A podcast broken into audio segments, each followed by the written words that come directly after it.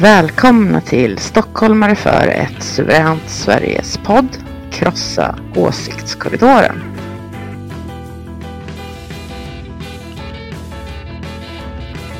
De flesta nationellt sinnade i Sverige har säkert noterat att eh, många svenskar lider av en beröringsskräck som inte vill släppa. Det är guilt by association för hela slanten. Till exempel så bildades det en formidabel avståndstagarkommitté då vi bjöd in Per Sjögren från NMR att tala om hets mot folkgrupp på en av våra manifestationer. Folk verkligen tävlade i avståndstagande. Ingen nämnd och ingen glömd. Det var väl inte någon stor överraskning att vi fick den reaktionen för svenska folket är hårt hunsade av både media och etablissemanget angående vad vi ska få tycka, vilka vi ska få gilla, vilka vi ska ta avstånd ifrån och vilka vi helst av allt ska hata av hela våra hjärtan. En som också drabbats då och då av effekterna av vår trånga åsiktskorridor är Jonas De Geer som vi har med oss idag. Jag är Annie och idag pratar jag och Jonas om bland annat vikten av att släppa beröringsskräcken och få till ett brett folkligt samarbete. Jonas identifierar sig inte själv som nationalsocialist. Som många säkert vet så poddar han ihop med motståndsrörelsens Jimmy Tunlind i podden Mimers brunn, vilket fungerar väldigt bra. Det är en väldigt bra podd som jag kan rekommendera. Både Jonas och Jimmy Tunlind är kloka män med mycket livserfarenhet. De är båda vältaliga och har sina åsikter klara för sig. De är ofta överens men långt ifrån alltid. Jonas är ju som sagt inte nationalsocialist vilket Jimmy är och eh, ibland skiljer sig därför åsikterna ganska mycket åt faktiskt. Så det kan vara spännande att lyssna på den podden. Men eh, många har ändå genom åren kallat Jonas för nazist och dylikt. Eh, han kommer att berätta lite mer om den saken. Hos oss är ordet fritt. För övrigt så måste vi släppa beröringsskräcken och sluta ta avstånd från varandra sinsemellan. Vi behöver samarbeta. Om vi går ihop, då kommer vi få vänstern att darra. Enighet är styrkan. Jonas och jag kommer prata mer om det här och om mycket annat, så häng med!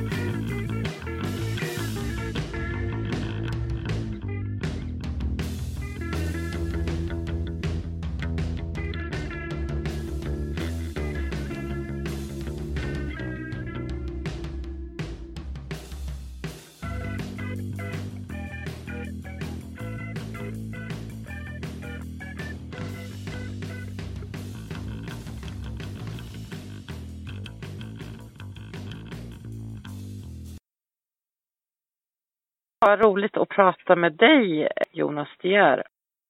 Du får gärna svara på några frågor om du har tid. Ja, absolut. Jag tänkte höra med dig vad du tycker om, du tycker att Sverige behöver ett totalt asylstopp eller hur tänker du där? Ja, mer eller mindre. Det, det, det är klart, jag tycker att alla civiliserade samhällen ska ha någon form av... Det, det ska finnas någon möjlighet för, för, för folk som verkligen flyr för sina liv och sådär. Men det där är ju så fruktansvärt missbrukat. Och det själva den frasen att folk flyr för sina liv och, och, och folk utifrån som hävdar att de gör det. Och sådär. Men, men, men visst att man ska kunna få någon sorts rätt till asyl när det verkligen behövs. Det, det tycker jag. Men det, är, det måste vi inse, det är liksom en bråkdel bokstavligen. Som, som av, av de som kommer och åberopar asylskäl som de verkligen behöver man kan, kanske inte ens ska tala i de termerna om, om eh, asyl så, utan för asyl är en sak, det är en liksom gammal eh, rättighet, men eh, ett invandringsstopp alltså, ja, det behöver vi definitivt. Ja, vad tänker du kring återvandring då? Behövs det och i hur stor skala tänker du? Jag tror absolut att det skulle behövas, men jag är inte säker på att det är logistiskt eh, möjligt. Och då, nu, nu, vet jag att många kommer att och, och säga att man är defaitist och sådär, men, men jag vet inte riktigt hur, hur vi skulle ha råd att skicka på två miljoner personer. Men, men att, att man ska jobba för det så, så gott det går, men vi kommer inte kunna återskapa ett eh, mer eller mindre etniskt homogent Sverige som vi har förstört det får vi nog bara ställa in oss på, tyvärr. Men har du någon slags minimikrav då, vad som absolut måste skickas hem? Jag tycker väl att, eh, men självklart att, att, att vi ska skicka tillbaka, eh, ja, först och främst alla kriminella såklart. Och jag, jag tycker nog även att man kan äh, återkalla medborgarskap till ganska stora grupper som har fått det på, på även, även de som, eh, som har begått grova brott efter att ha fått svenskt medborgarskap tycker jag man, man där, där, där borde man kunna göra det. Men jag, återigen, frågan är, är det här eh, logistiskt, ekonomiskt möjligt? Alltså, man ska vara för, försiktig med att liksom gå ut och, och prata om det för mycket. Jag tycker inte folk ska få för sig att att, att det här är ganska lätt gjort. Jag tror det går till stor del. Men, men, men många tror jag vi bara inte blir av med helt enkelt. Nej men eh, så kan det ju vara. Man kan tänka så att det, en del tänker ja alla ska hem så att det, skitsamma ni ska hem allihop. Medan andra tänker nej nej ingen, ingen ska få åka hem liksom. Alla ska få stanna eller invandrarna själva tänker nej men det här är mitt land nu, jag ska inte härifrån liksom. Ja, det är många som tänker så. Och i viss mån så har det ju blivit så, för många är ju uppvuxna här. Mm. Så att det, det, Fast de inte är ett dugg svenska egentligen, som, eller Nej, tänker precis. svenska. Så- Sådana som jag inte betraktar som svenskar överhuvudtaget. Ja, Men som precis. kanske är tredje generationens um, invandrare. Ja, Som, som, som, Ja, ja, då- som- som- såna- som här, va. Så, ja så de har ju men... ställt till med ett jävla...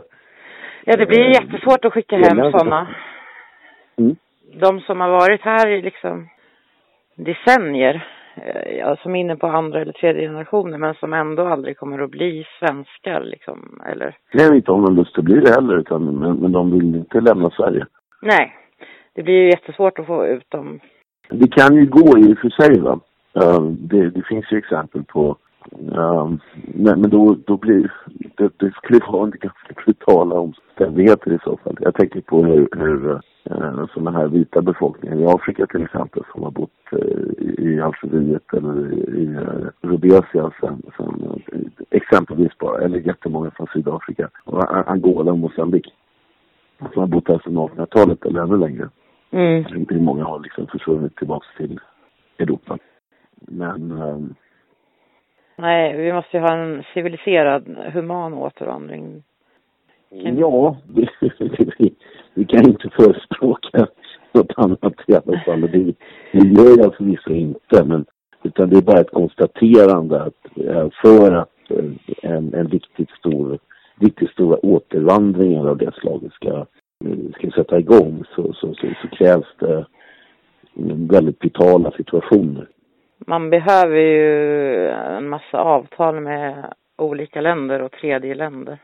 Ifall de inte vill tillbaka till sina egna Ja, hemländer. det här vill många inte höra. Jag vet det och jag vet som sagt att jag kommer att bli anklagad för att vara liksom defaitistisk. Men, men jag tror ju att det är ehm, att det blir väldigt, väldigt svårt. Jag tror, jag, jag tror att det är orealistiskt. Att det ska ske i någon, någon uh, jätteskala. Vi får se, den som lever får se. Absolut. Det, det, när jag säger brutala situationer, det behöver inte innebära att eh, liksom, eh, folk blir fördrivna utan det eh, är det så, skulle det bli så till exempel att det blir extrem svält och fattigdom eller så i Sverige så är det möjligt att många skulle sticka tillbaka självmant. Ja, ja precis. För de, de har kommit hit för att eh, ta del av välståndet som finns i Sverige och försvinner det så, så kanske inte Sverige skulle vara attraktivt längre. Men då är det många svenskar som kommer att lida något på kuppen också. Jo, precis, så är det ju. Ja. Det är inte heller något för drömscenario. Nej, det är inget drömscenario. Absolut inte. Nej, det, det blir svårt att motivera två miljoner människor att, att flytta härifrån. Det är ju inte tal om annat. Vad tänker du om EU då? Ska vi stanna i EU och förändra det inifrån eller ska vi bara lämna EU och klara oss själva? Jag är ju väldigt mycket emot EU som projekt. Det, det, är, det är två olika saker här. Jag, jag, jag vet inte riktigt hur ett så eh, exportberoende land som Sverige i alla fall har varit. Och då är det framförallt till europeiska länder. Jag, jag vet inte hur vi skulle klara ett, ett utträde um, i EU. Så att uh, jag, jag passar lite på den frågan. Jag, jag håller med om att det är principiellt viktigt att EU um, eh, inte är något bra och så vidare. Det är en otäck, äcklig, parasitär överstruktur bara och den har inte minst den här coronakrisen har visat sig vara helt uh, värdelös på alla sätt. Och den slukar bara en, en, en, en massa pengar. Men, men vad jag inte vågar säga det är om vi skulle få eh, mer problem om vi väl lämnar. Jag tror väl så här sett i backspegeln att det kanske hade varit bättre att vi inte gick med. Tycker du att Sverige behöver vara självförsörjande? Ja, betydligt mer än nu. Självklart. Absolut. Och det, det har väl hela den här pandemin. Återigen, vi vet inte vad, vad viruset är om, om, och Eh, hur allvarligt det är och sådär, hur det är beskaffat och, och, och så där vidare. Men, men hela den här situationen har väl visat, eh, om något, att eh, vi, vi verkligen behöver större sån eh, inhemsk eh, produktionskapacitet. Vi har inte längre, vi har inte matlager, vi har inte, eh, vi har inte kunnat få fram medicinsk utrustning och så vidare och så vidare. Så att det, det har väl verkligen visat på, på eh, alltså, bristerna i systemet. Så, så absolut att Sverige eh, borde, att, att man bör sikta på så hög grad av självförsörjande som, som möjligt i en nation. Vad vet du om banksystemet då? Det är väl ett otänkt system um, som, som behöver reformeras. Jag har inga, inga alternativa teorier som jag kan leverera sådär men, men det är ju helt klart att bankerna skapar pengar ur ingenting och sen när de ändå gör dåliga affärer i sin girighet så, så har vi ju sett gång på gång på gång hur då får, får liksom skattebetalarna äh, lösa ut dem. Så det det är självklart att det är ett, eh, ett sjukt äh, system. Det leder till inflationer och börskrascher och... Det är väl klart att om, om det skapas pengar ur ingenting så, så leder det till, till inflation. Mm. Du lyssnar just nu på Stockholmare för ett suveränt Sverige. Hos oss är ordet fritt. Stötta oss i kampen för ett suveränt Sverige. Swisha till 0737 3208 24.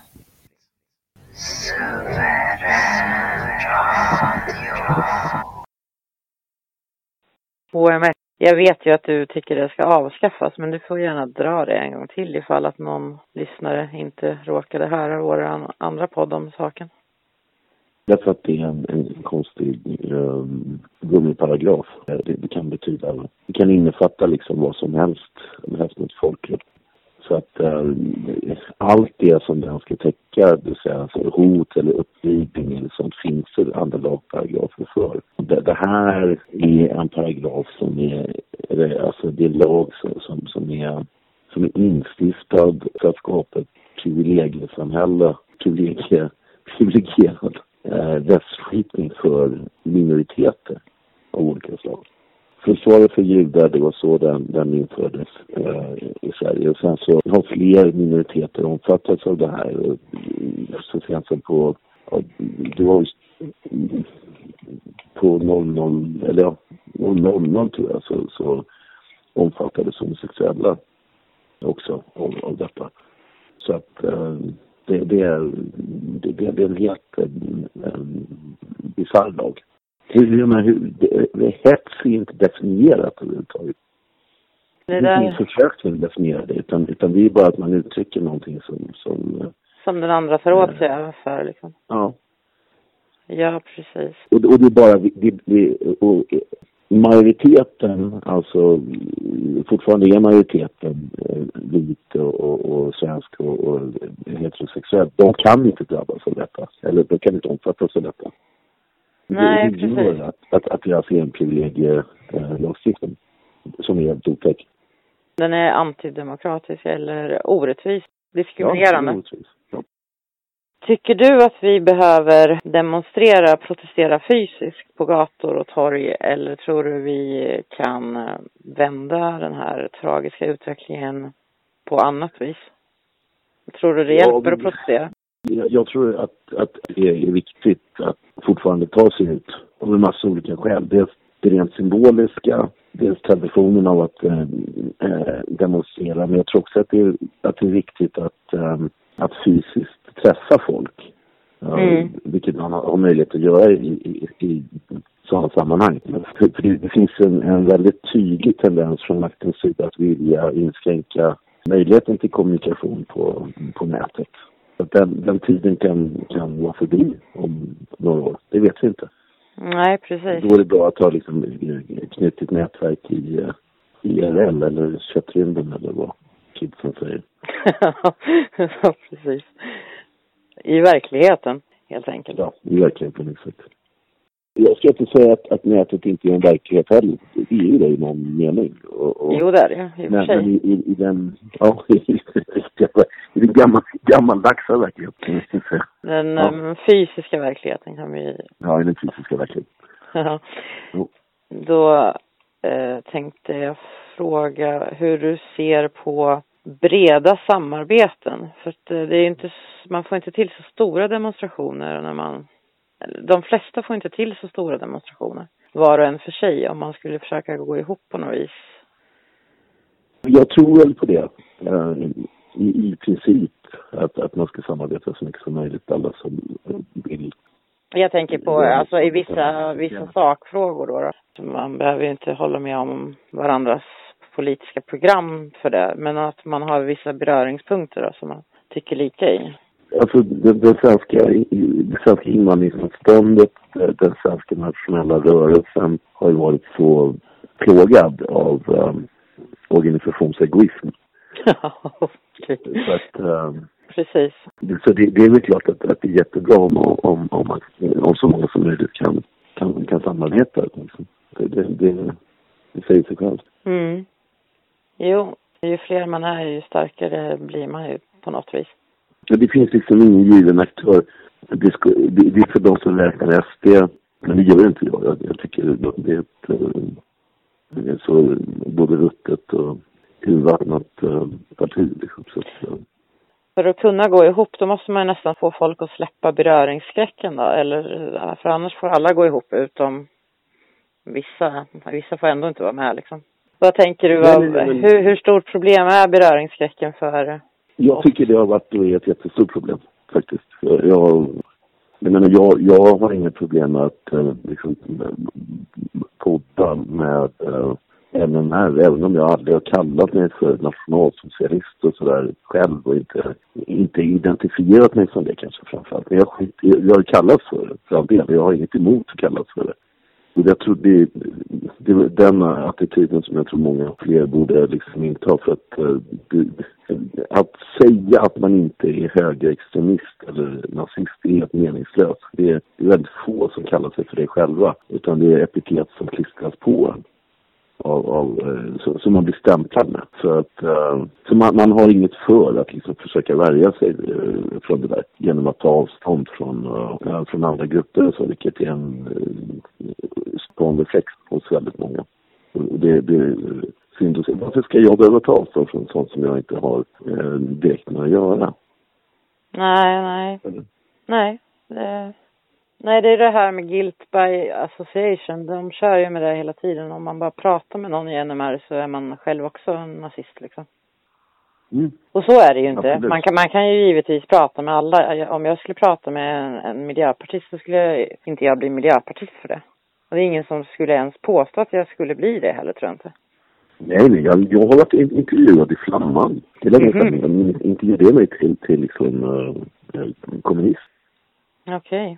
Och det var ingen som trodde att du hade blivit kommunist efter det? Nej. du ser, det är jättekonstigt för det, det funkar bara åt ett håll då. Det är bara ja. nazism som kan smitta av sig. ja, absolut. Ja, det är helt bisarrt liksom. Eh, och de skyller ju då på att eh, nazism är ingen ideologi, det är ondska och de har begasat en massa judar och bla bla bla. Alltså det är där de kör med. Hur länge ska de köra med det då? För NMR har ju personligen inte gasat några judar och har inga planer heller på att göra det någonsin. Eller några andra. Nej, de hävdar dessutom tror jag, deras organisationslinje att eh, det, det faktiskt inte har gasats några judar överhuvudtaget. Jag kommer in på åsiktskorridoren då. Hur eh, snäv tycker du att den är i Sverige? Tämligen snäv på, på, på de flesta ställen fortfarande i Sverige. Och inom media och, och inom den, den, akademiska världen. Och på många sätt är det värre än någonsin. Samtidigt har vi då, det får man ändå, det, det, jag ska inte säga att det är SDs förtjänst, men alltså lite del, alltså deras framgång delvis i alla fall, mm. har ju gjort att um, fler har tagit eh, mod till sig och sådär. Eh, men framför allt naturligtvis eh, internet och alternativmedia har, har eh, förändrat många sätt att se på världen och tänka eh, och så. Men då tycker jag att den här, eh, den andra sidan, den som går tillbaks till åsiktsmonopolet har blivit än mer frustrerad och intolerant. Så att du har fått en, en otäck, eh, tycker jag nog, polarisering av samhället också de senaste 20 åren. Jag, jag tycker att det är bättre än förut, men, men det är ändå, ja, det, det är svårt att inte se att, att, eh, att det har blivit den här polariseringen. Polariseringen känns ju inte som att den blir mindre och mindre, även om åsiktskorridoren vidgas. Det verkar inte hjälpa mot polariseringen. Det verkar ju bara öka Men det, öka. alltså, det, det, det, finns ju olika åsiktskorridorer så att säga. Det, det finns på, på, på olika, olika plan i byggnaden så att säga. Så det finns inom, inom mainstream-media, det finns inom politiken, det finns inom ja, allmänna och det, och det akademiska. Och det, det, det, det ser lite olika ut på olika ställen. Det finns ju definitivt en åsiktskorridor inom eh, exempelvis SD som vi nämnde nyss också. Där finns en, en väldig sån likriktning av, av vad man får tycka och inte. Är det inte så i alla partier då, för att de ska Nej, verka inte, inte, inte så, det, finns, det, finns inget, det finns inget parti i Sveriges historia som, som har använt uh, uteslutning som ett uh, medel för, för, för liksom, uh, lösa interna konflikter på det sättet som Väster har gjort. Det är fullständigt unikt. Det säger ju en del kan man ju Nej, säga. nej, men kan du, ta, kan du ta något exempel? Kan, kommer du ihåg någon sosse som har blivit utesluten någonsin? Jag kan komma på... De blir väl aldrig- Socialdemokrati, men har, har, har någon sosse blivit utesluten? Har någon moderat blivit utesluten? Nej, det här är ju fullständigt... De sparkar snett uppåt istället när de gör bort sig. Men jag kan göra en, en, en, en lång lista spontant på, på, på Sverigedemokrater som har blivit uteslutna. Mm.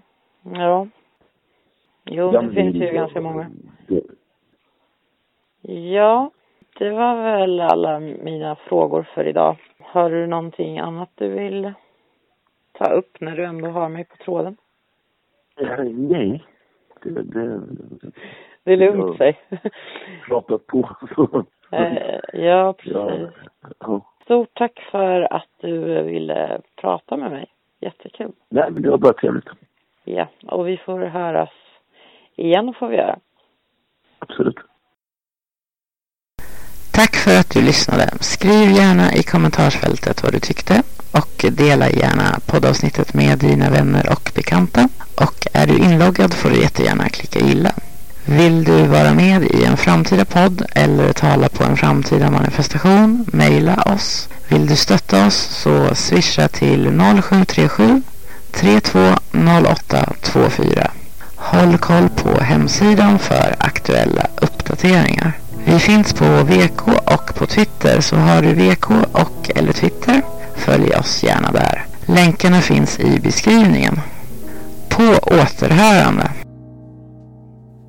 You just hear the goodbye song. You might want